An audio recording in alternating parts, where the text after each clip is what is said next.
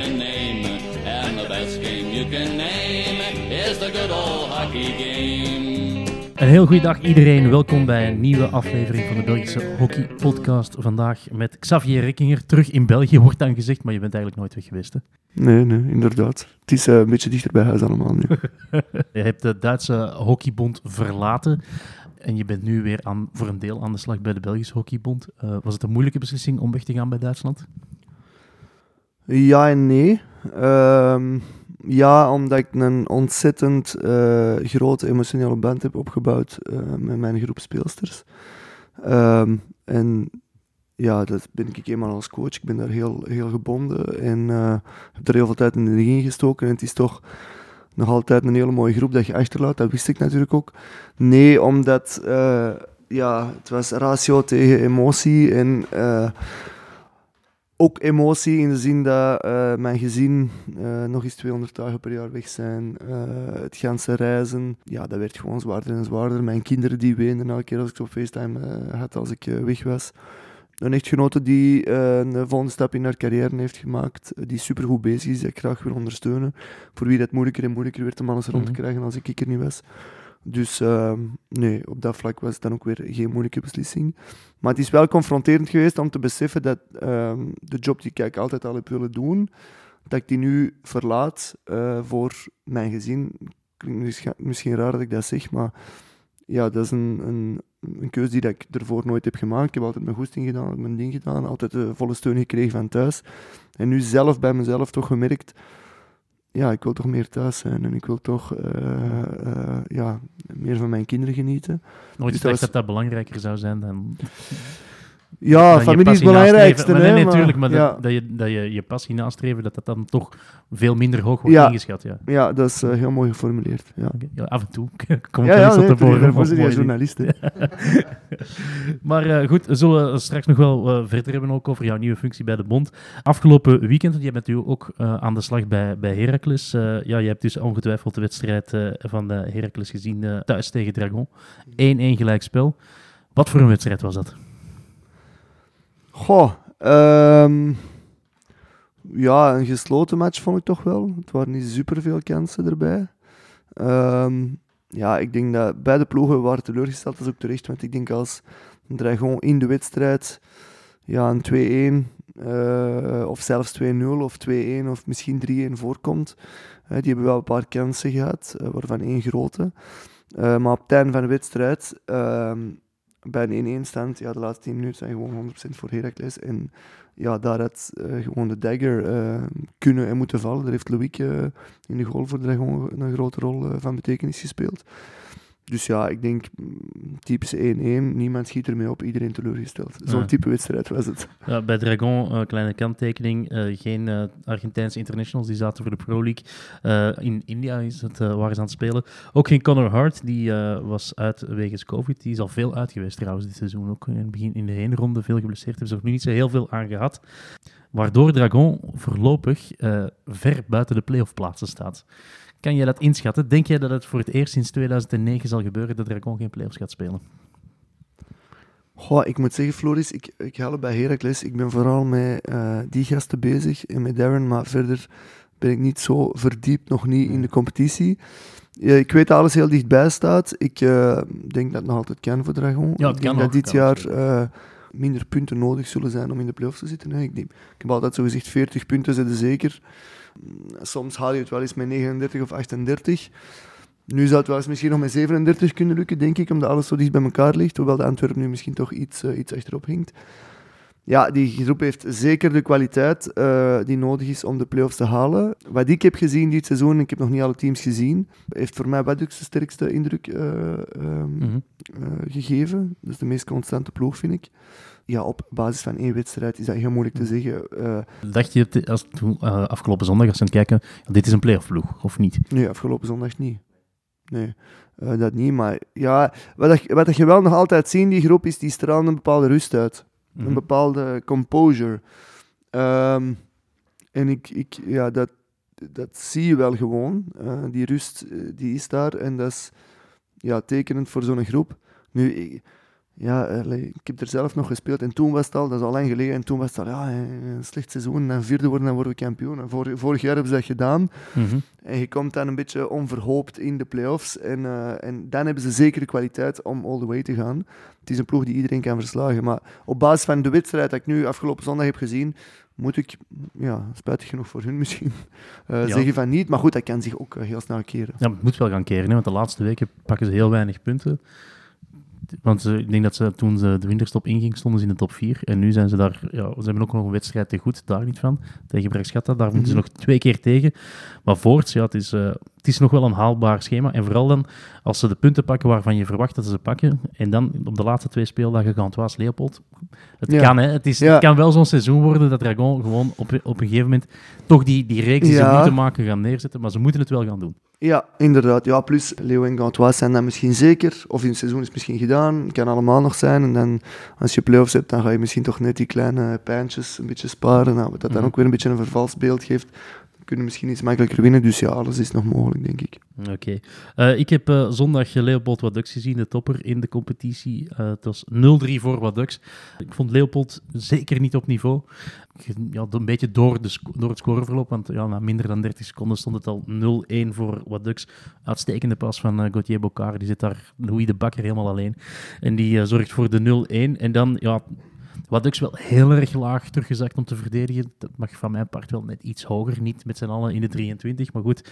Uiteindelijk had Leopold wel kansen, hè? 11 corners. En als je dan Tom Boon aan de cirkel hebt en die scoort niet, dan was het Ja. niet jouw wedstrijd. Dan, eh, dus eh, Ja, shit happens zeker. ja, en dan nog één, één grappig eh, moment. De supporters van Wadux hadden zo- zo'n jonge groep eh, jongens, eh, wat, wat vrienden van de enkele spelers uit Heren 1 die, die wat voor animo willen zorgen de komende weken. Die hadden van die rookpotten bij. Alleen hadden ze geen groene, maar wel rode bij. Dat is lastig Ah, ja. als je het uit bij Leopold speelt. Ah, mooi initiatief. Maar wel leuk, goede sfeer, veel volk, mooi weer. Dat is, eh, het was best wel een leuke hockeynamiddag. Maar Leopold, ja, dat pakt nu te veel punten. Dat is het, 0 op 6. eh, verloren van Racing, nu verloren van Wadux. Blijven uiteraard wel aan de leiding, maar mogen het toch zeker niet laten hangen, want de play-offs zijn zeker nog niet binnen. Dan, eh, belangrijke wedstrijd onder in het klassement. Beerschot tegen Dering. Een wedstrijd die je absoluut niet mocht verliezen. Beerschot heeft dat wel gedaan. 0-3. Dering met Argentijnen, dat moet ik er dan bij zeggen, want die, die zijn niet eh, naar de, de Pro League afgezakt. En dus blijft Beerschot voorlopig op de voorlaatste plaats en heeft nu een kloofje van vier punten achterstand op Dering. Dat wordt bijzonder, bijzonder lastig. Ja, ehm, ik heb de wedstrijd eh Beerschot Heracles gezien. Altijd mooi. Dat is misschien niet super, super representatief. Dat is een- toch een heel speciale derby. Ja. Beetje zoals like Racing Leo en, eh en Antwerp Dragon. Ehm, ja, ook zo'n match. Een beetje zoals ik afgelopen zondag, waarop het einde iedereen teleurgesteld was. Want ja, Heracles eh, staat, komt 2 en achter met twee minuten te spelen, of een minuut te spelen. Mhm. Uiteindelijk toch nog eh, gelijk eh, gemaakt met een speler minder. Ja, precies het seizoen van net niet ook bij Beerschot, heb ik de Mhm. indruk. Ik zeg het, ik heb ook maar één wedstrijd van ze gezien. Ik hoor natuurlijk veel in de wandelgang. Ik heb Manu Brunet gesproken. Ja, die zei dat het gewoon een heel ge- ge- gecontroleerde wedstrijd was en Mhm. dat het eigenlijk helemaal verdiend was. Ja, het is onderaan ook heel dicht bij elkaar. Hè. Eh, ik wens het eh, Beerschot toe. Eh, je, wens het, je wenst het uiteindelijk niemand toe dat ze zakken, maar Nee. ook die gaan, denk ik wel, serieus aan de bak moeten, Ik- moeten gaan. Het schema is echt moordend voor Beerschot, want het is nu nog Wadux, Leopold, Racing, Brakschatta en dan op de allerlaatste speeldag tegen Antwerpen. Ja, oké. Dan eh, wordt het... Goed, dan moet je... Eh, Antwerpen, oké. Maar dan kan het al gespeeld is zijn. waarschijnlijk gezonken, ja, Ja. oké. want ja, dat kan het al gespeeld zijn, maar goed, dat zijn toch drie punten die je moet hebben. Ja, iedereen kan iedereen verslaan. hè. Ik denk dat ze een goede eh, run hebben altijd tegen uh, Beerschot. Mhm. Van zei gisteren iemand eh, van Heracles me op training, dus ja, we zullen wel zien. Drie punten in deze competitie is gigantisch, hè, Ja, op dit moment. Dus het kan zomaar ineens zijn dat... ja, een dubbel weekend, je- 6 op 6 of 4 op 6 en een andere ploeg maar eh, ja, een je beetje gaat een dubbel 0 op weekend 6. in tegen Wadux en tegen Leopold. Dat zijn nu al... Ja, goed, maar dan Ja. kan het er nou ook gespeeld zijn, denk ik. Ja. Allee, ik weet nu niet hoe, eh, ik heb Ja. nu gerekend, maar dan kan het gespeeld zijn. Maar als je daar onverwachte punten pakt, Mhm. Dat is weer een ander verhaal misschien. ik, hoor, ik sprak eh, eh, zondag na de wedstrijd wel eh, met de staf van uh, Waddex. Die zeiden, ja, eigenlijk is het wel goed dat eh, Racing eh, punten heeft laten liggen tegen Antwerp.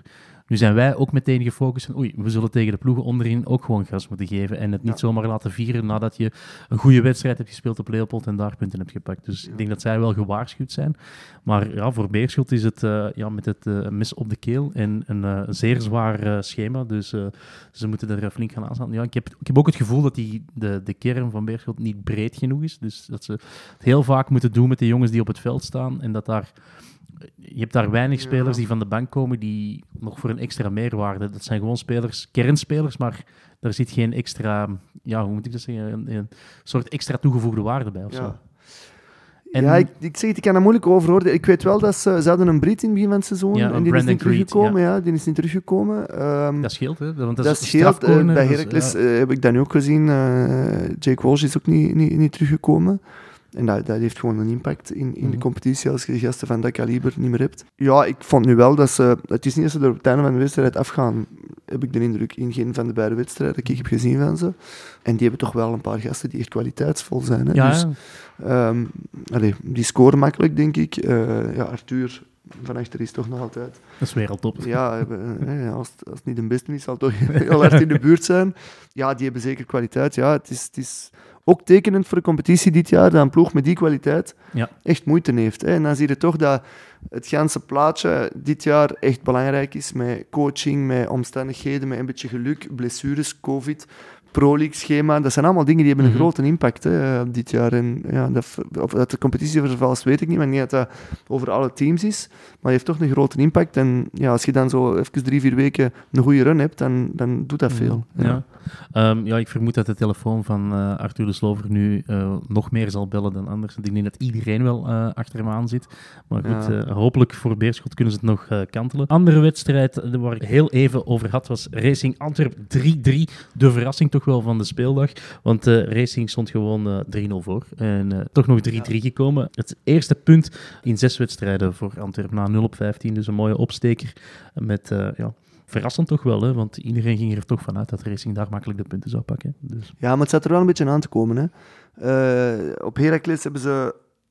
Oké, liggen 2-0 achter, komen terug tot 2 Het had 3-0 moeten zijn, dat was de wedstrijd ja. ook gespeeld. Maar En dan laatste toch, op de ze- laatste minuut hebben ze een paal, of, of nee, wordt nog, een- krijgen ze een corner als Ja. de tijd gedaan is voor de 2-2. en vlak dan- daarvoor nog een andere corner die gepakt wordt door die- uh, ja, dus, dus dat kon het zomaar. Ik, ik heb gehoord dat ze op de gewoon met 1-0 verliezen, dat het ook close was. Dan is er denk ik nog één wedstrijd geweest daartussen, dat weet ik niet wat ze gedaan hebben. Maar dus ook zij, die kunnen zomaar... eh, als je ze niet vroeg genoeg afstraft en de wedstrijd is niet gespeeld, ja, dan kan het zijn dat ze op het einde nog eh, een goede run hebben en toch Mhm. nog met punten gaan lopen. En ja, daar is Racing nu slachtoffer van geweest. Ja, dat is wel alleen maar spannend voor, eh, voor de competitie. Eh voorts was er nog Braxchata Gantois, ook daar eh 1-1 gelijk spel. Geen Argentijnen bij, Arge- eh, bij eh Gantois, dat zijn drie internationals die ze missen. Ook geen De Borkes en ook geen Pepijn Scheen, dat is ook een strafcornernemer.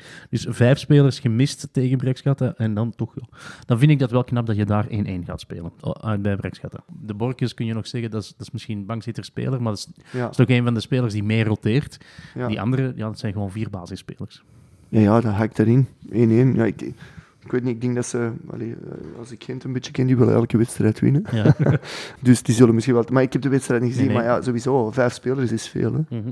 En Braxcata heeft geen strafcorners gescoord met Louis Kluipaert. Ze hebben er nogthans een paar gehad.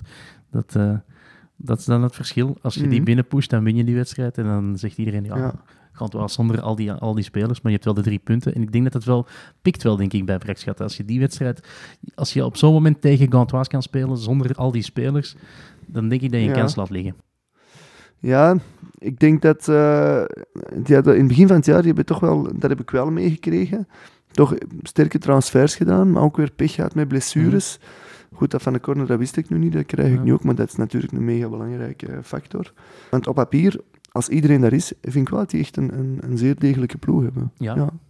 Ja, want ehm, als Braxcata eigenlijk wedstrijden wint die ze kunnen winnen, En ze kunnen eens een paar keer... Dan schuren ze echt dicht aan tegen die playoff plaatsen. Maar, want ze gaan ook winnen op wat Ducks. Maar dan, ja, dan, dan zitten ze in die flow.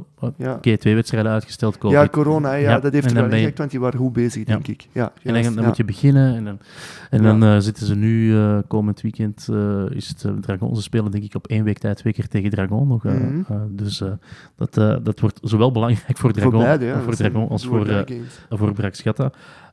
Dit Heracles, dit gaat niet meer zakken. Hè? Als ik het zo Ah, bekijk. Want nou. het staat nu voorlopig op de zevende plaats. En ja, het zijn twee punten verschil maar met Dering. eh, Mhm. die ja, ik wou net zeggen. En zoveel met Beerschot denk ik ook niet.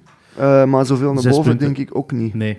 Dus ja, ik zeg het, de, het weekend nu zal eh, naar mijn mening bepalend worden voor, ehm, voor de verdere verloop van het seizoen. Ehm, ja, er is veel, het is een jonge groep die daar omringd wordt door eh, een paar ehm, ervaren spelers met ontzettend veel potentieel. Het komt er alleen niet altijd uit, dat heb je met jonge groepen. Hè. Eh, ik zeg het, Jack Walsh is niet teruggekomen, dat heeft voorin toch wel een beetje gewogen. Ik merk wel dat die jonge gasten voorin daardoor een beetje meer gewicht pakken. Maar dat Mhm. gaat met ups en downs. Dat is altijd met jeugd. Dat is niet dat dat in een lijn gaat. Dat gaat met ups en downs. Ehm, ja, toch een paar dure foutjes momenteel die dan eh, zeer vakkundig afgestraft worden. Eh, Darren zegt dan altijd dat het cadeaus zijn. Hij heeft ook gelijk, vind ik. Ja. Maar dat hoort erbij in de ontwikkeling. Ehm, ja, het gaat, het gaat vaak om details. Ehm, eh, ja, goed, ik denk, ik denk, zoals ik zei, dit weekend gaat bepalend worden.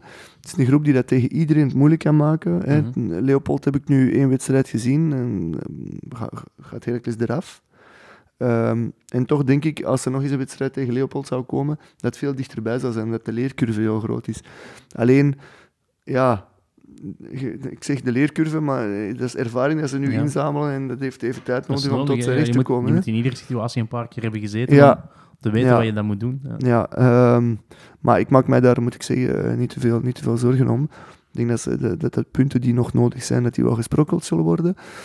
Maar je moet gewoon alert blijven. Hè. Ik bedoel, Antwerpen heeft ook, zoals gezegd, Racing eh, ehm, eh, heeft daar twee punten gaan halen. Eh, ja, je moet gewoon de wedstrijd die je moet winnen, winnen. Nu, vrijdag wordt een heel belangrijke. Mhm. In dat opzicht, om een beetje het verdere verloop van het seizoen te bepalen. Hè. Win je, dan kan je echt nog- tegen Ori. Ja. ja, hè. Win je, dan kan je echt nog proberen hè, om naar boven te kijken. Ja, verlies je, dan moet je echt wel zien dat je voor de, ja, Mhm. nu gewoon voor behoud speelt. Dus dat zal een beetje de, ja, de beslissende factor zijn, denk ik. Ja, Oré ook in een mindere, in een mindere flow. Verloren van, van Leuven. Die hebben nog maar één keer gewonnen Mhm. sinds nieuwjaar. Dus, eh, en dan hebben jullie zondag uit bij Antwerpen. Dus het kan wel gewoon een 6 op 6 weekend worden. Ook, Ja, ja, dat kan ook, Het kan maar- het is, ik, heb het, ik heb het gevoel dat voor heel veel clubs dit een cruciaal weekend wordt. Ja, Met dat dubbel weekend. ja zeker. Maar tenzij dat het weer een weekend zoals vorige week is met zoveel gelijkspel. Hè, want dan Ja. blijft alles gewoon status quo. Natuurlijk, er zijn minder en minder eh, punten te winnen. Ja. Hè. Eh, maar ik denk, dat, ik denk dat zeker. Ik denk zowel bovenaan. Ehm, ik wacht nog wel een beetje af op de inhaalwedstrijden van Dragon. Ja, die twee, gaan ook nog wel. Ja, hè, dus, en van Brasciata, dus die gaan ook nog een invloed hebben. Maar voor Heracles is het in ieder geval inderdaad dit weekend vrijdag. En hetzelfde voor Oré. Mhm. Dat bepaalt een beetje het verdere verloop van het seizoen. Ja.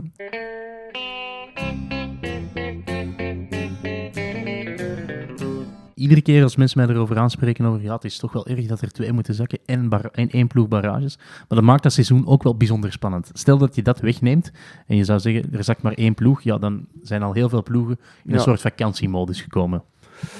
Ja, nee, eh, voor ik vind het enige, voor mij is het enige criterium daarvoor eh, hoe presteren ploegen die stijgen Mhm. in de, in de Eredivisie. En als die nog altijd mee kunnen, dan is dat goed. Als je een seizoen krijgt zoals... eh, Vorig jaar. Ja, was dat vorig jaar zo? Ja, dat, Ja. eh, dan, Old en Namur. Ja. ja, die, die verliezen alles met vijf doelpunten verschil. Dan is twee die zakken te veel.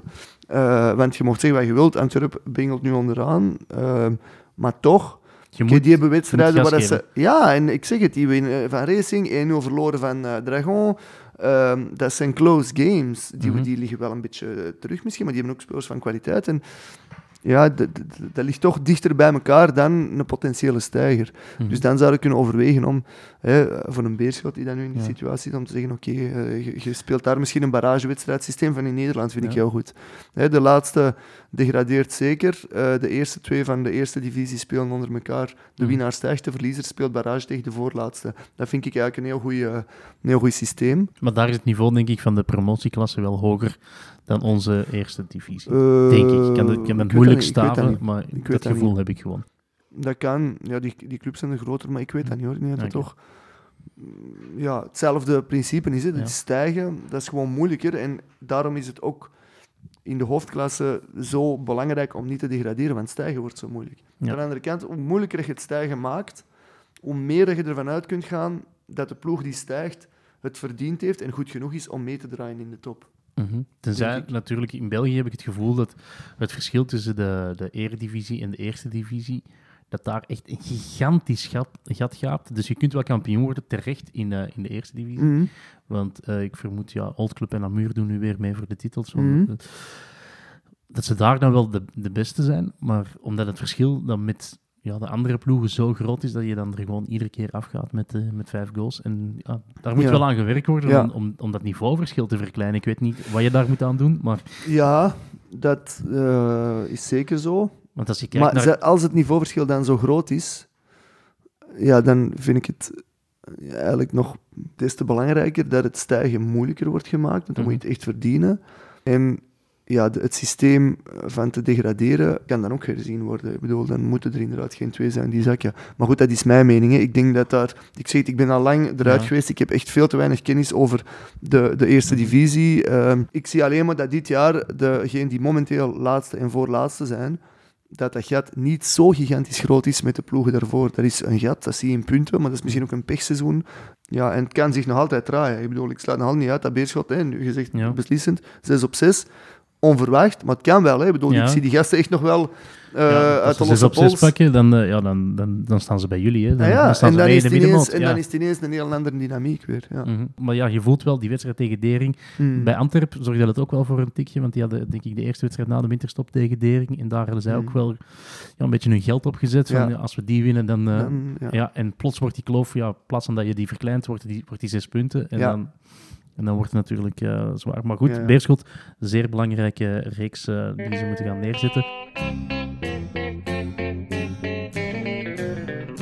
Er waren uiteraard ook wedstrijden in de hoofdklasse, eh, waar wat België meededen met de topper Bloemendaal tegen Kampong. Bloemendaal won eindelijk in eh, 2022 gewonnen van, eh, van Kampong. Dus eh, Arthur van Doren blijft daar aan de leiding. En dan was er ook nog de wedstrijd tussen Amsterdam en Oranje-Rood, waar wel wat Belgen meespelen.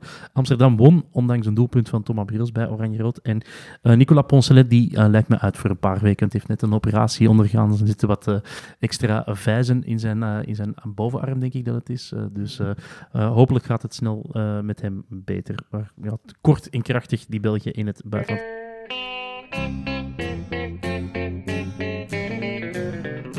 Volg jij de vrouwencompetitie? Of helemaal niet? Eh, hier of... Eh, ja, ik weet niet, overal ter eh, wereld. Nou ja, die ken ik waarschijnlijk iets beter, omdat ik die natuurlijk ook wel ja, veel meer heb gevolgd de laatste De Duitse competitie. Maar je merkt, je merkt al, hetgeen dat ik zeg, ik heb die stap teruggemaakt en ik geniet vol van mijn gezin. We Aha. zijn ook aan het verbouwen, dus ik ben veel minder... Vroeger was het maandag alle samenvattingen zien, alle uitslagen zien. Nu ben ik daar zeer Nog toe. ontspannen en nog niet aan toe. En dat is ook wel eens fijn om dat niet te doen, zo, om eens een keer een ander ritme te hebben. Mhm. Ehm, hier in België volg ik het een beetje van op een afstand. Ehm, Ben jij ook betrokken bij de vrouwenploeg van Heracles of is het echt nee, alleen maar de mannen? nee, ik ga nu waarschijnlijk, eh, allee, als het ook daar met tijd, ik zeg het, Hm. met de kinderen gaan halen naar school, en als dan Ja. naar de training, die trainen voor de heren altijd. Dus het is nog niet gelukt om het eh, in te plannen, maar als het, als het gaat, dan ga ik wel eens een keer eh, een training geven bij de dames ook. Dat heeft Jill gevraagd, dat doe ik zeer graag. Mhm. Ehm, maar dus zo krijg ik wel een beetje mee. Eh, ik denk dat uh, ja, Gantoise is, is denk ik heer en meester momenteel. Ja, ik Hebben ben vorige week naar uh, Gantoise tegen Dragon gaan kijken. Ja, dat was en een inhaalwedstrijd. een gelijkspel geweest. Gelijkspel. En Dragon stond echt heel lang 1-2 voor. Ja. Eerste kwart was absoluut voor, eh voor Gantoise. Dragon kwam er eigenlijk niet aan te pas. En toen Ja. kwamen ze ook 1-0 voor Gantoise. Dan dacht iedereen, oei, dat wordt hier gewoon 4-0. En eh, Mhm. het verschil is heel erg duidelijk. Maar Dragon speelde echt heel goed in het tweede, derde kwart. ja. En eh, kwam 2-1 voor tot ja, drie seconden van het einde. Toen Lara. Oviedo nog een aanval benutte. Bij Dragon iedereen natuurlijk hoest. Want ja, er werd te lang doorgespeeld. gedaan, dat denk ik niet. Ik bedoel dat scheidsrechters echt wel gewoon kijken op hun klok. Mhm.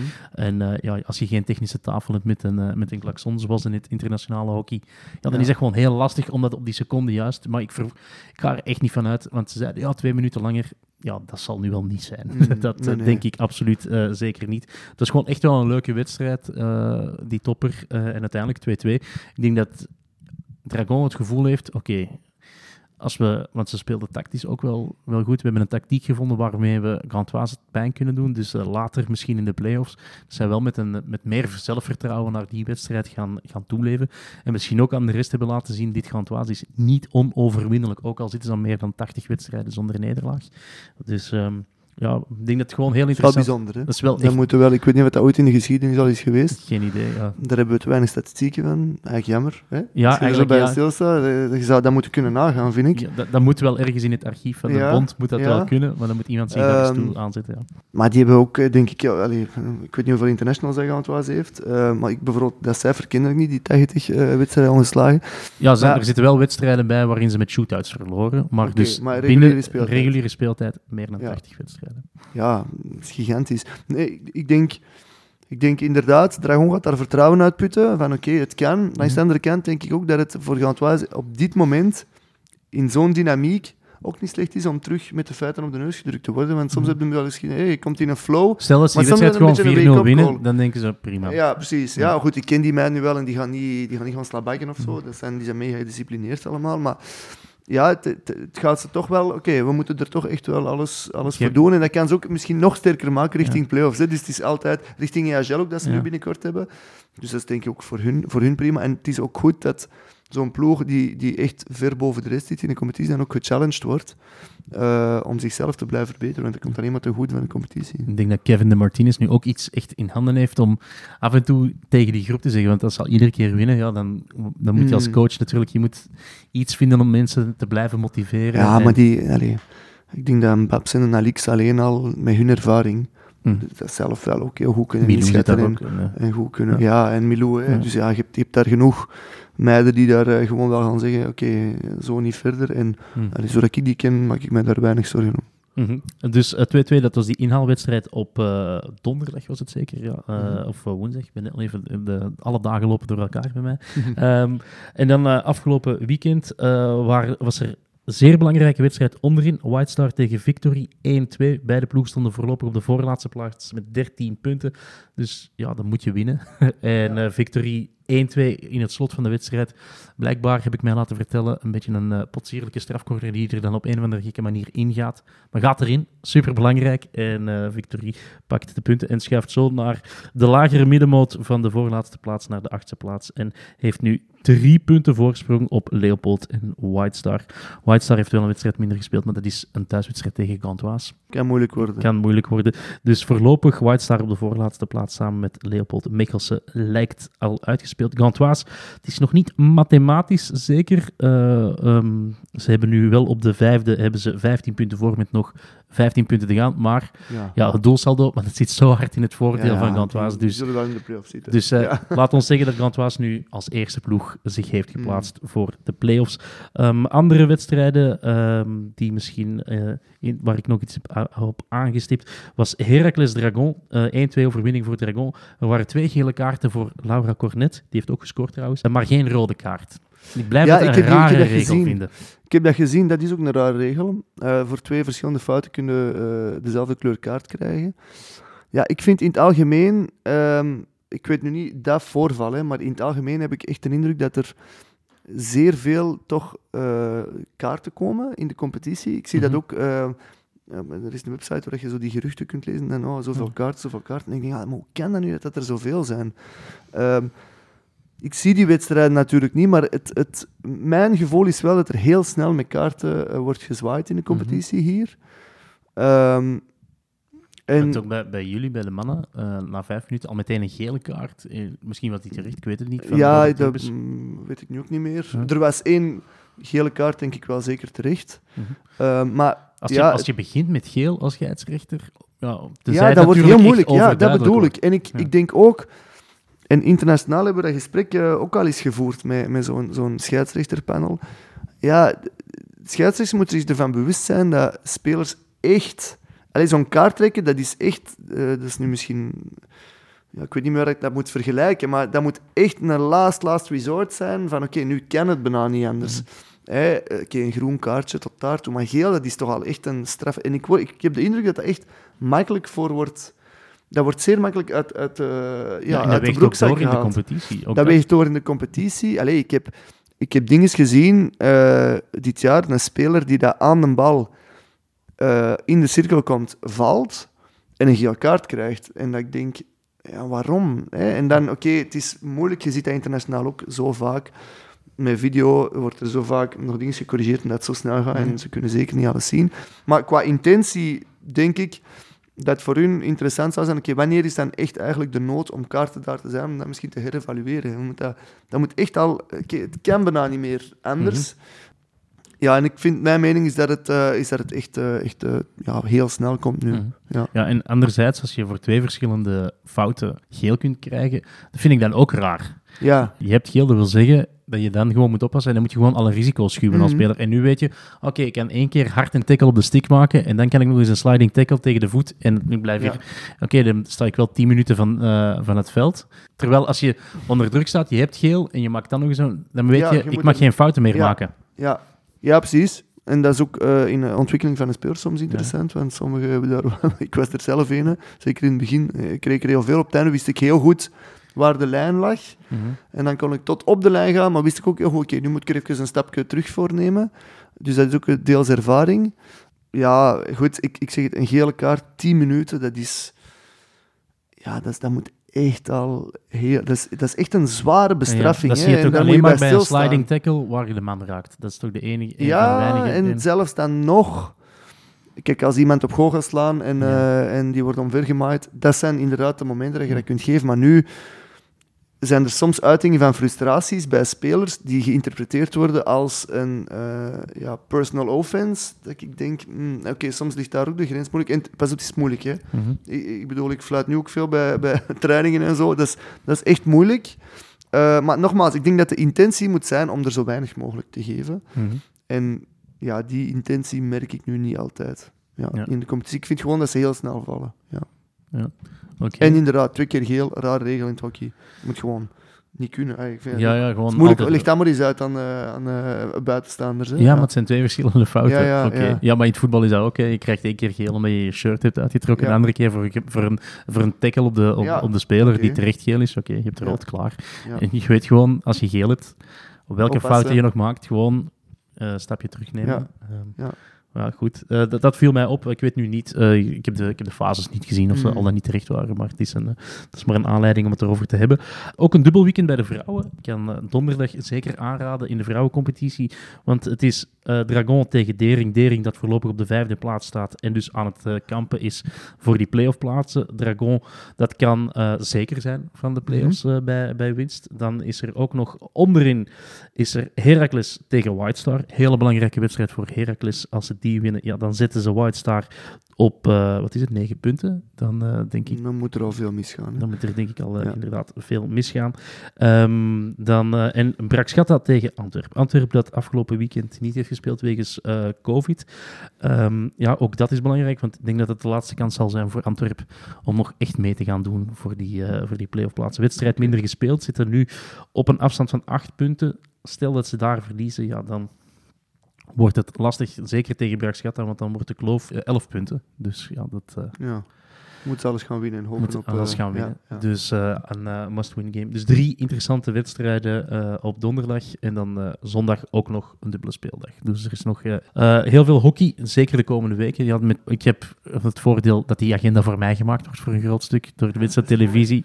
Want ik krijg natuurlijk heel veel protest. Ja, maar jullie gaan weer naar Antwerpen, Heracles. Ik ik maak de kalender niet. Ik volg alleen maar die kalender. Die wordt gewoon gemaakt door de, door de Top Hockey League. En het, het is nu eenmaal speling van het lot. De, of uh, hebben zij in het begin van het seizoen bepaald. We gaan die wedstrijd doen. Toevallig twee weken na de, na de vorige wedstrijd. Maar daar, dat wisten ze op voorhand ook niet. Jij zit nu bij de Belgische Bond. Jouw taak is eigenlijk om de opvolging van de jeugdspelers bij de mannen te stroomlijnen richting de A-ploeg. Is dat uh, goed omschreven? Uh, ja, ja daar, daar, wordt het altijd naar herleid. Het is iets breder dan dat en ook iets specifieker. Dus uh, de... Wacht, zijn... dit moet je uitleggen. Ja, het is breder en het is specifiek. Het is niet alleen de... Waarom is het breder? Want het is niet alleen spelers maar het is vooral ook de coaches te ontwikkelen uh, en te ondersteunen en te helpen. En het is specifieker omdat het niet om alle spelers gaat, maar eigenlijk om de hypo's. En het gaat erom dat ik die. De high potentials. De high potentials, ja. ja hè. Ik ben nu stil aan de aan het rollen, hè, dus ik ben aan het kijken hoe dat alles gebeurt. Ik ben eigenlijk vooral heel veel aan het kijken, aan het observeren en, en, en te zien welke processen er nu zijn, welke structuren nu in plaats zijn. En daar in die organisatie een beetje mijn, uh, mijn drive vinden. Ook zeer interessant om te zien. En dat is nu de tweede keer dat ik het meemaak, want toen ik naar Duitsland ging, kwam ik ook in een systeem waar dat heel duidelijke processen zijn die dat ik dan ging bevragen. Waarom doen we dat niet zo en waarom doen we dat zo? Omdat je natuurlijk een heel neutrale blik hebt en je komt van buitenuit. En nu ervaar ik dat eigenlijk een beetje op dezelfde manier. Maar dus ik ben heel hard aan het kijken uh, hoe dat nu alles loopt. De bedoeling is dat ik en vooral duidelijkheid, dat is samen met Ben en Jeroen, die de min 21 en de min 18 coachen, dat daar uh, de high potentials worden geselecteerd. Dat zijn gasten die naar mening van Ben en Jeroen in eerste instantie hen uh, zicht hebben op een toekomst bij de Red Lions. Toch nog redelijk breed genomen. En moest ik daar nog uh, iemand bij zien, dan, wordt dat, dan heb ik ook het recht om te zeggen, oh, dat is misschien ook interessant. En dan gaan we op termijn ja, die gasten specifieker begeleiden. Uh, dus het gaat om identificatie en dan om de begeleiding ervan. Dus dat is één deel. Uh, het is wel echt het idee ook dat ik uh, Ben en Jeroen ga helpen met mijn ervaring. Dat gaat van hun trainingen observeren en, en ideeën geven naar selectieprocessen naar uh, het vragen waarom dat ze bepaalde dingen doen zoals dat ze doen. Uh, om mijn ervaring te delen, maar hen ook uh, ja, laten nadenken hoe dat ze bepaalde processen en hoe dat zij coachen eigenlijk, om hen beter te maken. Want wat ik wel zeker uit Duitsland heb meegenomen, dat is dan ineens mijn derde pijler eigenlijk, is het kennisoverdracht van de top naar hen. Hè. Zij doen een fantastische job bij de min 18 en min 21. Maar zij doen dat natuurlijk, eh, ja, ze willen natuurlijk toernooi winnen in de jeugd, mhm. maar het is ook nog altijd een ontwikkeling naar de Red Het is eigenlijk de bedoeling om spelers beter te maken en, ja. en die hype en ook hen, af te leveren. Ja, en ik vind ook hen, hè, die zitten in een systeem en ik vind dat, uh, dat wij als Belgische Hockeybond toch ook de verantwoordelijkheid hebben om mensen die kiezen voor hun carrière als coach, om die te ontwikkelen. En die moeten ook het perspectief hebben om later bij de nationale ploegen actief is, te zijn. Is daar een traject voor? Want ik weet, in Australië zijn ze daar denk ik... Uh, in Australië, jaren, of in begin jaren 90, einde jaren 80 echt mee begonnen? Ja, in, in Duitsland is dat, uh, dat is het sterkste wat ik daar heb ervaren. Hmm. Uh, dat is uh, kennisoverdracht en de career pathway. Dat is echt heel duidelijk. Het is echt de bedoeling, als je in het systeem komt, dat je op termijn uitzicht hebt op... Hmm. ik zal maar zeggen, bondscoach, dames of heren. Niet iedereen haalt dat, maar nee, er wordt wel echt op ingezet. Maar er wordt wel gezorgd van, ja, als het nodig is, moeten we uit vier, vijf mensen echt kunnen kiezen. Ja. ja. en dus... Uh, dat, is er nu toch niet... Ik heb niet het gevoel in België, stel dat, uh, dat Michel van den Heuvel op een of andere gekke manier uh, zou moeten stoppen, dan heb ik niet het gevoel dat er plots vijf Belgische kandidaten klaarstaan om dat meteen over te nemen. Dat weet ik niet. Dat moet aan Adam vragen. Dat weet ik echt niet. Dat moet aan Adam en Serge vragen. Er, zijn, er is genoeg... Ik denk dat er wel genoeg Belgische kwaliteit is, maar... Ja, ik denk dat wel. Maar niet, er is niet zo'n soort traject, zal ik maar zeggen, waarin je waarin je coaches kan. Nee, maar dus dat is de persoonlijke ontwikkeling van de coaches. Hè. We hebben het nu over de spelers gehad. En mhm. daarom is eigenlijk, het is ook breder. Het, is, het gaat ook voor mij, voor mij tenminste, gaat het ook echt om de coaches. Hè. Hoe kunnen die gasten uh, zich laten verbeteren? zodat ze dat perspectief hebben. En er zijn er ook die in het systeem komen en überhaupt niet die ambitie hebben, wat dat ook mhm. fijn is. Maar er zijn er die zeker die ambitie hebben. En ja, ik, ik, ik, ik, hoor dat daar toch heel veel nu in plaats is, maar ik weet dat nog niet. Ik moet dat nog allemaal ervaren, mhm. ik moet dat nog allemaal zien. Ik ben nog maar drie weken bezig. Hè. Maar dat is wel iets waar ik graag mee mijn schouders onder wil zetten, omdat ik geloof dat dat ons systeem als Belgisch systeem en Belgische eigenheid echt heel veel uh, sterker kan maken. Het laatste dat ik wil is het Duitse systeem kopiëren in België, Mhm. want dat is een andere cultuur, dat is een ander land. Eh, hetgeen dat daar heel goed werkt, gaat misschien in België helemaal niet werken en Mhm. vice versa. En daarmee wil ik voor alle duidelijkheid niet zeggen dat eh, er geen buitenlandse coaches in, in Nee, het nee. systeem kunnen zijn. Hè. Ik denk dat kwaliteit de belangrijkste factor moet zijn. Alleen hoeft kwaliteit... eh, allee, weet je, hebt het zelf gezegd. Ik denk, maar dat is nogmaals van buiten gezien, Mhm. hè, ik ben er nog maar net terug, dat er genoeg kwaliteit is in België om op termijn ja, die rollen te gaan vullen vanuit, eh, vanuit België. En dat is toch, als iemand even goed is als een Belg, even goed is als een buitenlander, dan denk je dat je altijd van een Belg moet gaan. Maar bon, op dat niveau, op het allerhoogste niveau, even goed bestaan. Je hebt altijd bepaalde criteria eh, en, en dan moet je gewoon voor de beste gaan. Maar ik vind dat belangrijk, dat daar toch ja, een doorstroom mogelijk is. Want als je nu kijkt naar zowel de Red Lions als de Red Panthers, ik denk bij de Red, Panther, bij de Red Lions is Emily Calderon de enige Belgische in de, in de staf, eh, als je puur hockey eh, technisch bekijkt. En bij de Red Panthers zit daar volgens mij niemand. Nou Ja, dat is niet waar. De ke- ke- keeper, Ja, de Glen, ja. de Glen. Ja, klopt. Goed, het heeft te maken met willen natuurlijk ook. Dat Mhm. is ook een job. Je mocht dat niet onderschatten. Hè. Ik bedoel, die gasten zijn ook... Allee, nu net iets minder dan ik toen ik in Duitsland was. Ik 150, 200 dagen weg. Omdat ik nog in België woonde. ja. Hier, het systeem is fantastisch. Hè. Je, je hebt perfect storm. Hè. Je traint samen, maar gewoon toch ergens elke Ja. avond thuis. Eh, maar met de Pro League, met toernooien, stages, ja, het, het wordt wel altijd meer en meer. Mhm. Eh, en meestal, allee, de coaches, eh, een goed voorbeeld is denk ik Philippe daarvan, die was toch in het systeem, Ja. hij is toch ook Rio gegaan, heeft dan ook uiteindelijk voor zijn gezin gekozen. Ik maak nu eigenlijk een beetje hetzelfde mee, Mhm. dus je moet mensen vinden die het willen doen, die, die beschikbaar zijn. En ik denk dat we daar ook moeten kijken, wat zijn dan echt de hoofdmotieven waarom dat mensen het niet doen? Eh, en proberen van daar eh, redenen voor te vinden eh, en manieren voor te vinden voor dat wel attractiever te maken Mhm. dat die mensen dat toch doen. Maar dat er genoeg kwaliteit is, allee, van buitenuit denk ik sowieso. En ja, wat ik nu zie, tenminste, allee, ik kan niks slecht zeggen over Ben en Jeroen. Mhm. Dat die nog in ontwikkeling zitten, ja. Maar, allee, ik bedoel, Jeroen zit toch al... Maar die is tien jaar in het Tien systeem. ja, dat is dus, fantastisch eh, wat dat zo'n gast doet. Hè. En, Mhm. en dat is ook een hele belangrijke. Want als je tien jaar in het systeem bent, de laatste vier jaar heeft hij toch ook een, serieuze bijdrage aan gehad. Hè. En ik denk dat Ben bij de min 18 ook al langer zit. Dus allee, dat zijn toch ja, dat zijn gasten die toekomst hebben. Ze zijn natuurlijk nog jong. Iedereen Hmm. is soms een beetje ongeduldig. Ik ben er ook een goed voorbeeld van. En er zijn maar twee plaatsen daar aan de top. Er zijn maar twee stafs. Een hoofdcoach moet ook kunnen beslissen met wie dat hem werkt, vind ik. Dus ja. daar moet een goede ja, een goeie symbiose komen. En ik denk dat daar nu goede dingen in plaats zijn. Ik hoop gewoon dat ik daar een andere manier van denken, of misschien een, een, een vernieuwing, een frisse wind kan doorbrengen in die manier van denken. Eh, ja, dat we zowel meer gasten gemotiveerd krijgen om het te doen, als eh, dat er plaatsen eh, die vrijkomen eh, misschien door België gevuld kunnen worden. Mhm. Want jij doet de mannenlijn, om het zo maar even te zeggen. Ja. En Tim White doet eigenlijk jouw functie langs Ja. de kant van de, van de Ja. meisjes en vrouwen. Ja, Ja. klopt. Ja. Ja, en dan is er nog één laatste deel, maar dat is nu nog niet aan de orde. Dat zal voor na de zomer eerder zijn. De bedoeling is om de gasten die nu uit een, eh, min 21 vallen, dus je hebt er nu een lichting gehad die na het WK geen, eh, van te oud is geworden, maar nog ja, bij de Lions wel meetraint, maar perspectief Parijs waarschijnlijk te vroeg, daarna zeker. En er gaan er nu waarschijnlijk nog een paar komen na het EK in de zomer, om daar een groep mee te vormen en om daar eh, ja, eh, een, beetje, een beetje die klaar te stomen, zeg maar, richting... eh, Dus echt gewoon een, een, een development squad, een onder 23, hoe moet ja, een onder noemen? 23 development squad. Eh, voor mijn part moet dat niet op leeftijdsgericht zijn. Nee, maar Want er zijn misschien nog andere spelers. Allee, ik heb daar een heel mooi voorbeeld van gehad. Ik heb een speelster geweest in Duitsland die meegaan is naar, eh, naar eh, Tokio. Die eh, de laatste 18 maanden erbij is gekomen. Die 24 was, die wel alle jeugdploegen had gedaan.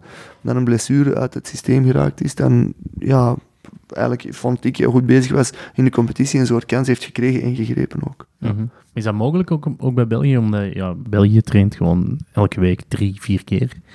Is het dan mogelijk als je het goed doet in de competitie, om dan nog een half jaar voor, of ja, 18 maanden voor een, voor een toernooi, dan moet je toch ook meestappen in dat Ja, voltijdse traject? Ja. Ja, ja, maar dat moeten we sowieso doen. Ja. De vraag is of Want, dat... want hoe zit dat bij Duitsland? Hoe jullie trainden in, op momenten eigenlijk? Jullie hadden Ja, dus dat vier is momenten volledig, per jaar, vijf eh, momenten per volledig jaar. anders. Ja. Hè. Dus ik had, eh, dat is een decentraal systeem, dus ik had zes assisten- assistants in elke Ja. provincie en de spelers van Hamburg trainen in Hamburg en die van Frankfurt in Frankfurt en zo verder. Ik ging, als, als er geen kamp was, dan ging ik naar, naar die decentrale plaatsen en trainde ik daar met ze. Ik denk dat het kan, En dat is niet alleen in Duitsland zo. Ik denk dat in Australië kan. Ik denk dat uh, in Nederland kan. Um, in België Mhm. kan dat ook.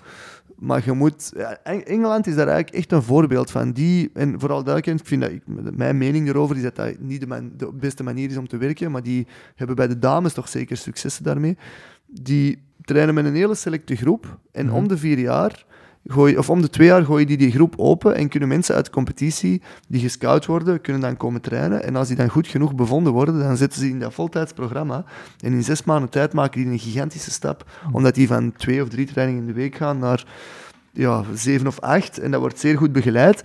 En dan zie je toch dat uiteindelijk, als puntje bij paaltje komt, zowel bij de dames als bij de heren, denk ik, dat die toch competitief zijn. Mhm. Dus dat is een voorbeeld van een cultuur en een systeem waar dat, dat kan. Ik denk dat dat bij ons eh, niet, niet uit te sluiten is. Maar bon, vooral duidelijkheid, spelers die op hun 5, 26 toch nog in de, in de nationale ploeg komen, zijn de uitzonderingen. Hè? Ja. Dat, dat staat vast. Ja.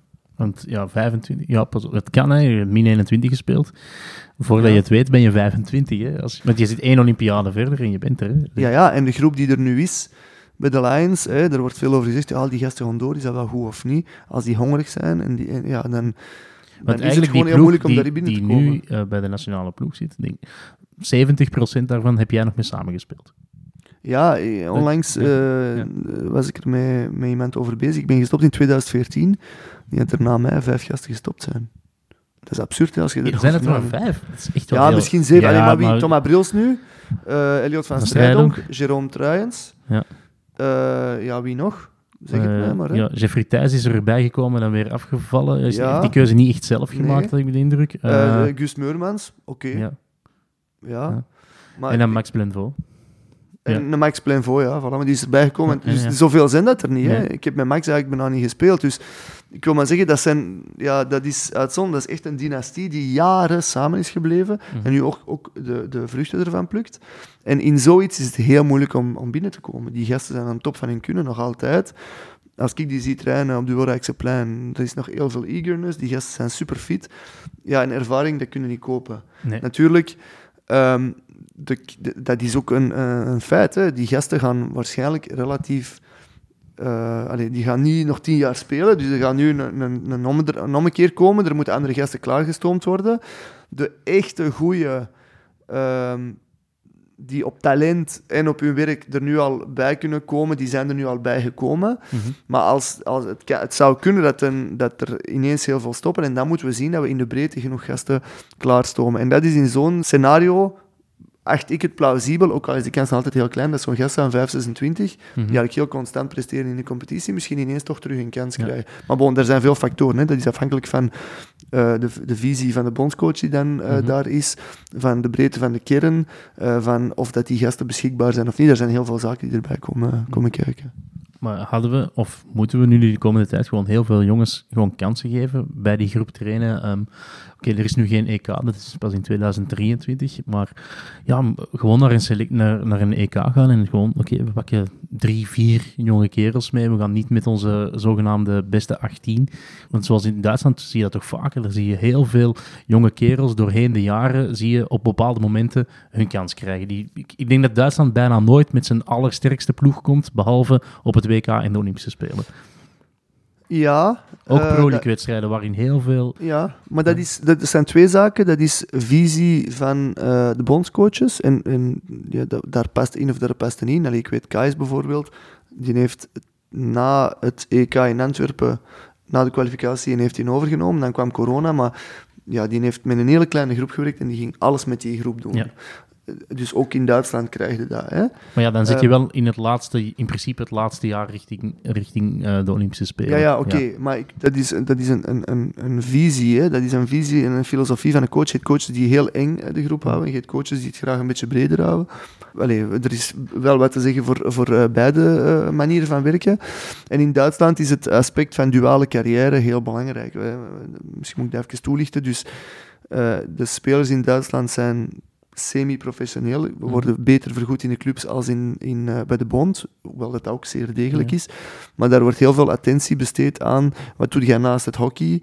Oké, jij studeert, ah, dan heb jij je examens, oké, dan doe jij dan even niet mee. Daar wordt gewoon veel meer naar gekeken dan eh, dat er... eh, ja, hier in België, in ons systeem, dat is gecentraliseerd. En om daar maximaal van gebruik te kunnen maken, moeten we in het meeste voordeel eruit te, te halen, kunnen we natuurlijk elke keer trainen. Maar je Dus- tekent ook wel een voltijdscontract bij de bond, Voilà, waar hè. verplichtingen tegenover Ja, ja staan. oké, want dat is, dat is ook een gigantisch voordeel Ja. ten opzichte van Duitsland. Ik kan u zeggen, er wordt elk jaar weer terug naar gekeken in Duitsland, hoe dat ze dat toch niet kunnen bewerkstelligen. Dus Mhm. ja, ik denk dat hier eh, de ploegen moeten kijken in welk traject dat ze zitten. En het is aan de coach, samen met een high performance director, om te beslissen hoe dat je eh, ja, de, de successen wilt eh, bereiken. Ja, en, en je trekt natuurlijk een coach aan om zijn visie en zijn manier Ja. van werken. Je moet, dat moet natuurlijk passen in het systeem. Hè, want ik ben van mening dat een systeem toch nog altijd belangrijker is dan, dan de coach, want de coach is duidelijk. Dus je moet eigenlijk een coach zoeken die matcht met jouw systeem. Precies, ja.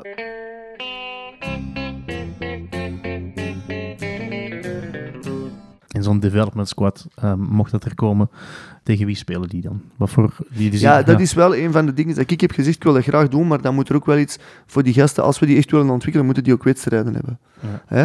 Ehm, dus ja, Kun je, is- kun je eh, bepa- bepaalde Pro League wedstrijden zeggen, we spelen met ons development squad? Of zou dat echt een aanfluiting zijn van...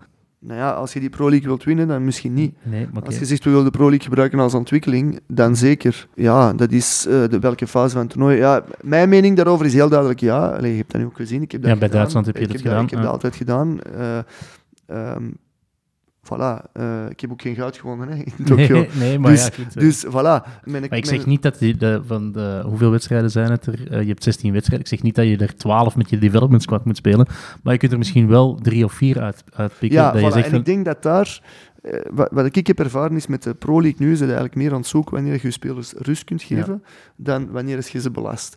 En dat is bijna belangrijker geworden. En dan oh, daar nog eens een keer iets voor een job, of ze hebben kinderen, voor hun Mhm. familie, vakantie. Allee, dat is toch een heel brede planning geworden. En in die optiek denk ik dat het toch nuttig is om eh, de Pro League wedstrijden te gebruiken, gewoon al, al is het eh, vanuit belastingsoogpunt Mhm. om eh, die, dat te spreiden. Goed, dan ga je kijken naar je ploeg, naar de breedte van de kern. Eh, bij de Panthers zitten toch met een andere situatie dan bij de Lions. En Ja. Bij de Panthers zitten met heel veel jongsters die nu aankloppen, die eigenlijk nog heel veel ervaring moet, misschien moeten verzamelen. Ik, eh, ik, ik zeg zomaar iets. Dus die gaat eerlijk zeggen, ja, die moet elke wedstrijd spelen.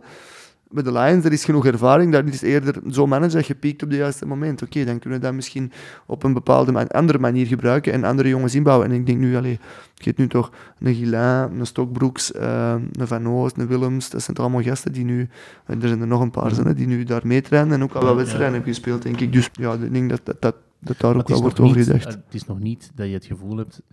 ehm, er zijn geen toernooien natuurlijk nu, maar je hebt niet het gevoel dat Max van Oost dat hij echt aanspraak kan maken op een selectie eh, op het WK, bijvoorbeeld. Ja, dan moet je aan Michel Nee. vragen, dan moet je Nee, niet nee, aan mij vragen. Dat is als, ik, ik als, als buitenstaander... neutrale ja, toeschouwer, ja, oké, maar daar is ook niks mis mee. Mhm. Eh, dat moet voor Max duidelijk zijn, Ja. denk ik. Hè. Als je nu dat voorbeeld aanhaalt, ik acht het dan belangrijk dat dan naar Max duidelijk wordt gezegd van kijk Max, komt erbij, proeft van de beste ploeg van de wereld momenteel, Mhm. eh, neemt die ervaring mee, we gaan je ontwikkelen, neemt alles mee wat je wilt, zodanig dat je die ervaring kunt meenemen en je blijft ontwikkelen en zet maar goed druk. Hè. Zet- Mhm. Probeer maar om die gasten te, te, uit de ploeg te spelen, maar waarschijnlijk zal het eerst voor na Parijs zijn. Ja. En dan is dat ook een zeer serene sfeer voor zo'n gast. Allee, dat is luxe, hè? Ja. in zo'n ploeg samenkomen om zich te ontwikkelen. Kun je heel specifiek op ontwikkelingsthema's eh, werken met zo'n gast. En moest je zich dan een beetje sneller ontwikkelen dan dat de planning was, ja, dan kunnen ze zeggen, oké Maxje, maar nu, hm, nog acht maanden, misschien wordt, wordt Parijs toch realistisch. Ja. En anders zitten in een totaal ander stramien. Maar die duidelijkheid, ja, daar, eh, eh, dat, is ook weer mijn Ja. mening, is, is denk ik heel belangrijk, want dat creëert rust. Mhm. En dat creëert duidelijkheid, zowel voor zo'n speler, en dan weet je waarom dat hier komt. En Mhm. dat probeer ik nu met spelers te doen die een beetje uit een boot zijn gevallen. Eh, we, hebben, we hebben een EK Hockey Fives, hè, dat is ook zoiets nieuw. En dat is voor mij een fantastische opportuniteit voor zo'n gasten die, die ertussen zijn gevallen om te proeven aan een internationaal toernooi.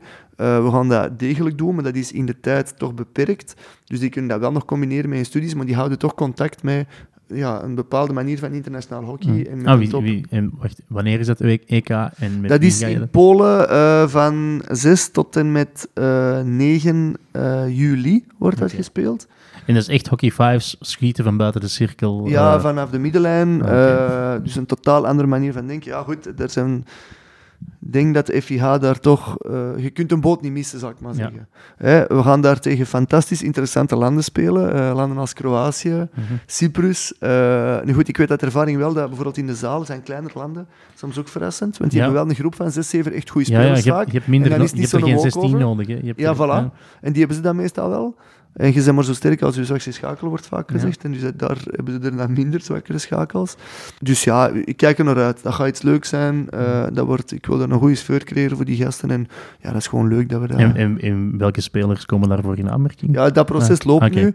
Dat zijn gasten, zoals ik dat zei, profiel die, ehm, en zowel coaches ook, ben ik eh, aan het proberen van gasten erbij te halen die profiel hebben volgens, volgens eh, Adam en mezelf en, en eh, om op termijn, en ook Michel, om op termijn bij de Lions uit te komen, maar die nu misschien nog net, net wat tekort komen. Oké. Dus als ik gewoon puur uit mijn hoofd eh, een, een doelman, dan zeg ik Daan Drijver, die zou er dan perfect kunnen Ja, bij maar komen. goed, ik- ja, ja, nee. Moet de jongens zelf Nee, nee, eerst even bellen.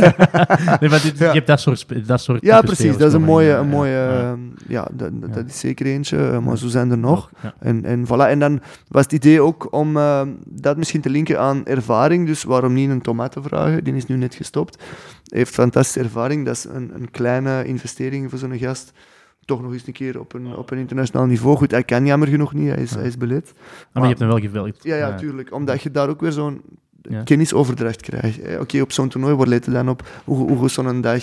Wat doe jij voor een match? Hoe bereid jij je voor na een match? Dat, zijn, allee, dat is hetgeen dat ik er juist weet, als we over Max spreken. Dat zijn allemaal dingen waar die gasten helemaal niet misschien bij stilstaan, over het belang ervan. Ja, en dan zien die toch van al die ervaren rotten hoe dat moet. Ja. Dus dat is ook weer kennisoverdracht, ja. Ben je dan nu nog op zoek naar een andere ervaren speler om eventueel mee te pakken? Of? Ja, eh, dat is- dat is een nice to have. Het is geen must-have, maar dat is een nice to have. Ja. Oké. En heb je ideeën? Of, eh, Ja, ehm, ja, ik heb ideeën, maar bon, nogmaals, ik wil ze zelf bellen eh, eerst. eh, en ik hoop dat het lukt. En als het niet is, is het ook niet zo. Dat is ook niet eh, dramatisch, maar het zou fijn zijn.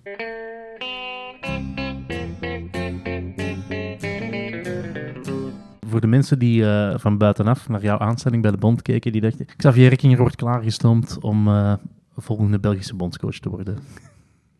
Ja, je hebt met mensen gesproken of zo. Ja, iedereen praat daarover. Hè? Ja, ik denk dat dat logisch is. Ja. Ja. ja, daar wil ik toch even een kanttekening bij zetten. Het is sowieso zo dat ik eh, die toe ook om nogmaals te kijken en om terug in het systeem. Dat is, dat is een goede voet om terug in het systeem te komen. Hè, een goede manier om terug in het systeem te komen. Ehm, is dat iets dat ik op termijn graag zou willen doen? Ja, dat heb ik ook altijd gezegd. Is dat iets dat ik nu direct wil doen? Eh, dat, als, ze, als ze het mij zouden aanbieden, dan ga ik dat op dat moment moeten, moeten overoordelen. Ja. Ehm, want dan had ik even nog in Duitsland kunnen zitten. Dan had ik veel vaker weg Ja. geweest. Maar dat is hetgeen dat ik zei met dat confronterende. Hè. Hm. Eh, ik kan u alleen maar zeggen, ik geniet nu ontzettend van eh, de tijd thuis. Ik vind het fijn dat ik Ellen kan ondersteunen in wat dat zij doet professioneel en dat ik een beetje terug kan geven. Die is echt goed bezig en ik vind, ja, daarvoor zitten samen. En Ja. dat is het belangrijkste team hè, thuis. Eh, dus, dus dat vind ik heel leuk. En moest er zoiets op mijn pad komen eh, en het zou passen, eh, ook met de kinderen, hè, met vakanties en zo, want daarover Ja. gaat het dan.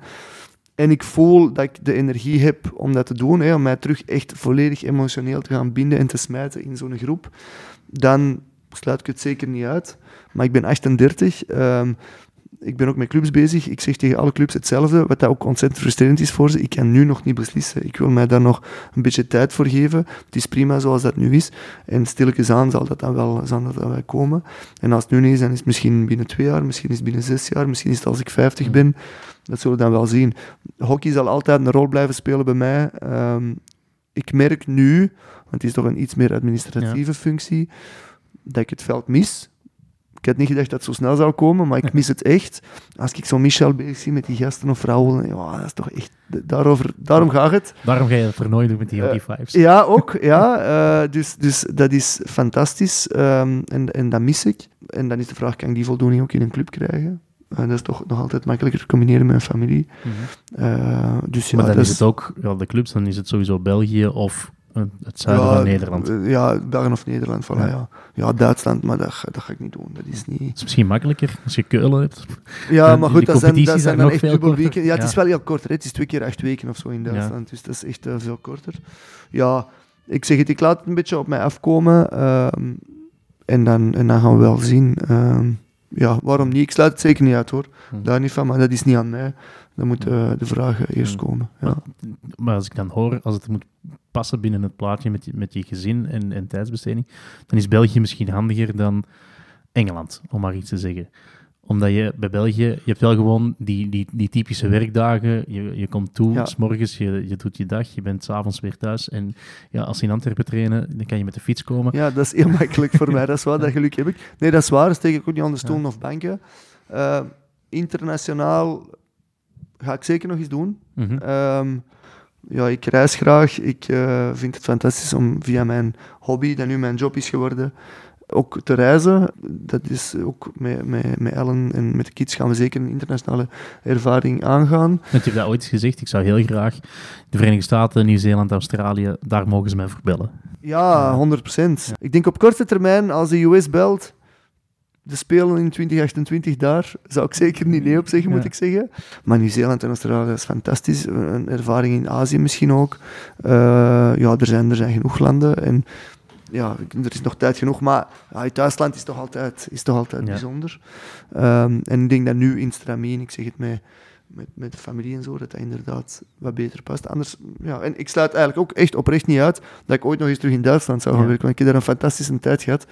Ik Maar dan zou het wel- geleerd, dus ja. Ja, voilà, dus dat ken ik nu ook alweer. Maar dan zou het ook wel echt zijn met de familie en dan daar Ja. verhuizen. Dus zoals ik dat nu heb gedaan, ga ik, dat, zou ik, dat zou ik niet meer doen. Dus ja, dan, dan schieten er inderdaad niet meer veel opties over nu op de korte termijn. Is het ook gewoon geen tijd dat er eens een Belgische coach eh, komt bij de, bij de Red Lions? Want wanneer was de laatste keer dat we een Belg hebben gehad? Dus, eh, kleine 20 Alain, jaar. hè? Ja. Is toch Alain Geens toch? Hè? ja. Ja, dat is Hoe lang is dat geleden? belangrijk- 2000 en, eh, 2000 is hij gestopt, denk Ja. ik, voor Sydney. Ja. ja. Ja, het zijn 22 het jaar gaat om de het gaat om kwaliteit, het gaat om, eh, eh, toch, eh, toch, zoals overal, hè, maar toch een stuk politiek. Mhm. Ehm, ik geloof ook meer en meer in een coachingstaf dan Ja, enkel in een headcoach. Dus daar moet het goed passen. Ik denk dat buitenlanders in België toch nog altijd op een bepaalde manier makkelijker hebben. Omdat ze Omdat zogezegd het- neutraler zijn ten Ja. opzichte van Nederlandstaligen en Ja, en het is en blijft, maar ook dat is een sterkte van ons systeem. hè. Die verschillende culturen binnen Mhm. een groep, dat kan elkaar echt versterken. Eh, dus ik denk dat daar ja, is het tijd voor een Belgische coach. ehm, laat ik het zo zeggen, ik, ik denk dat er nu eens langzaam toch echt genoeg kwaliteit is eh, Mhm. binnen België. Maar nogmaals, eh, de mensen moeten het willen. Ja. Het is tijdsintensief, er komt een bepaalde druk bij kijken. Het moet passen met het familiale gegeven. Eh beroepsgebeuren, hè. kunnen die een sidestep doen van een normale job om dan Mhm. bondscoach te zijn voor vier à zes jaar of acht jaar of tien jaar en dan terugkomen.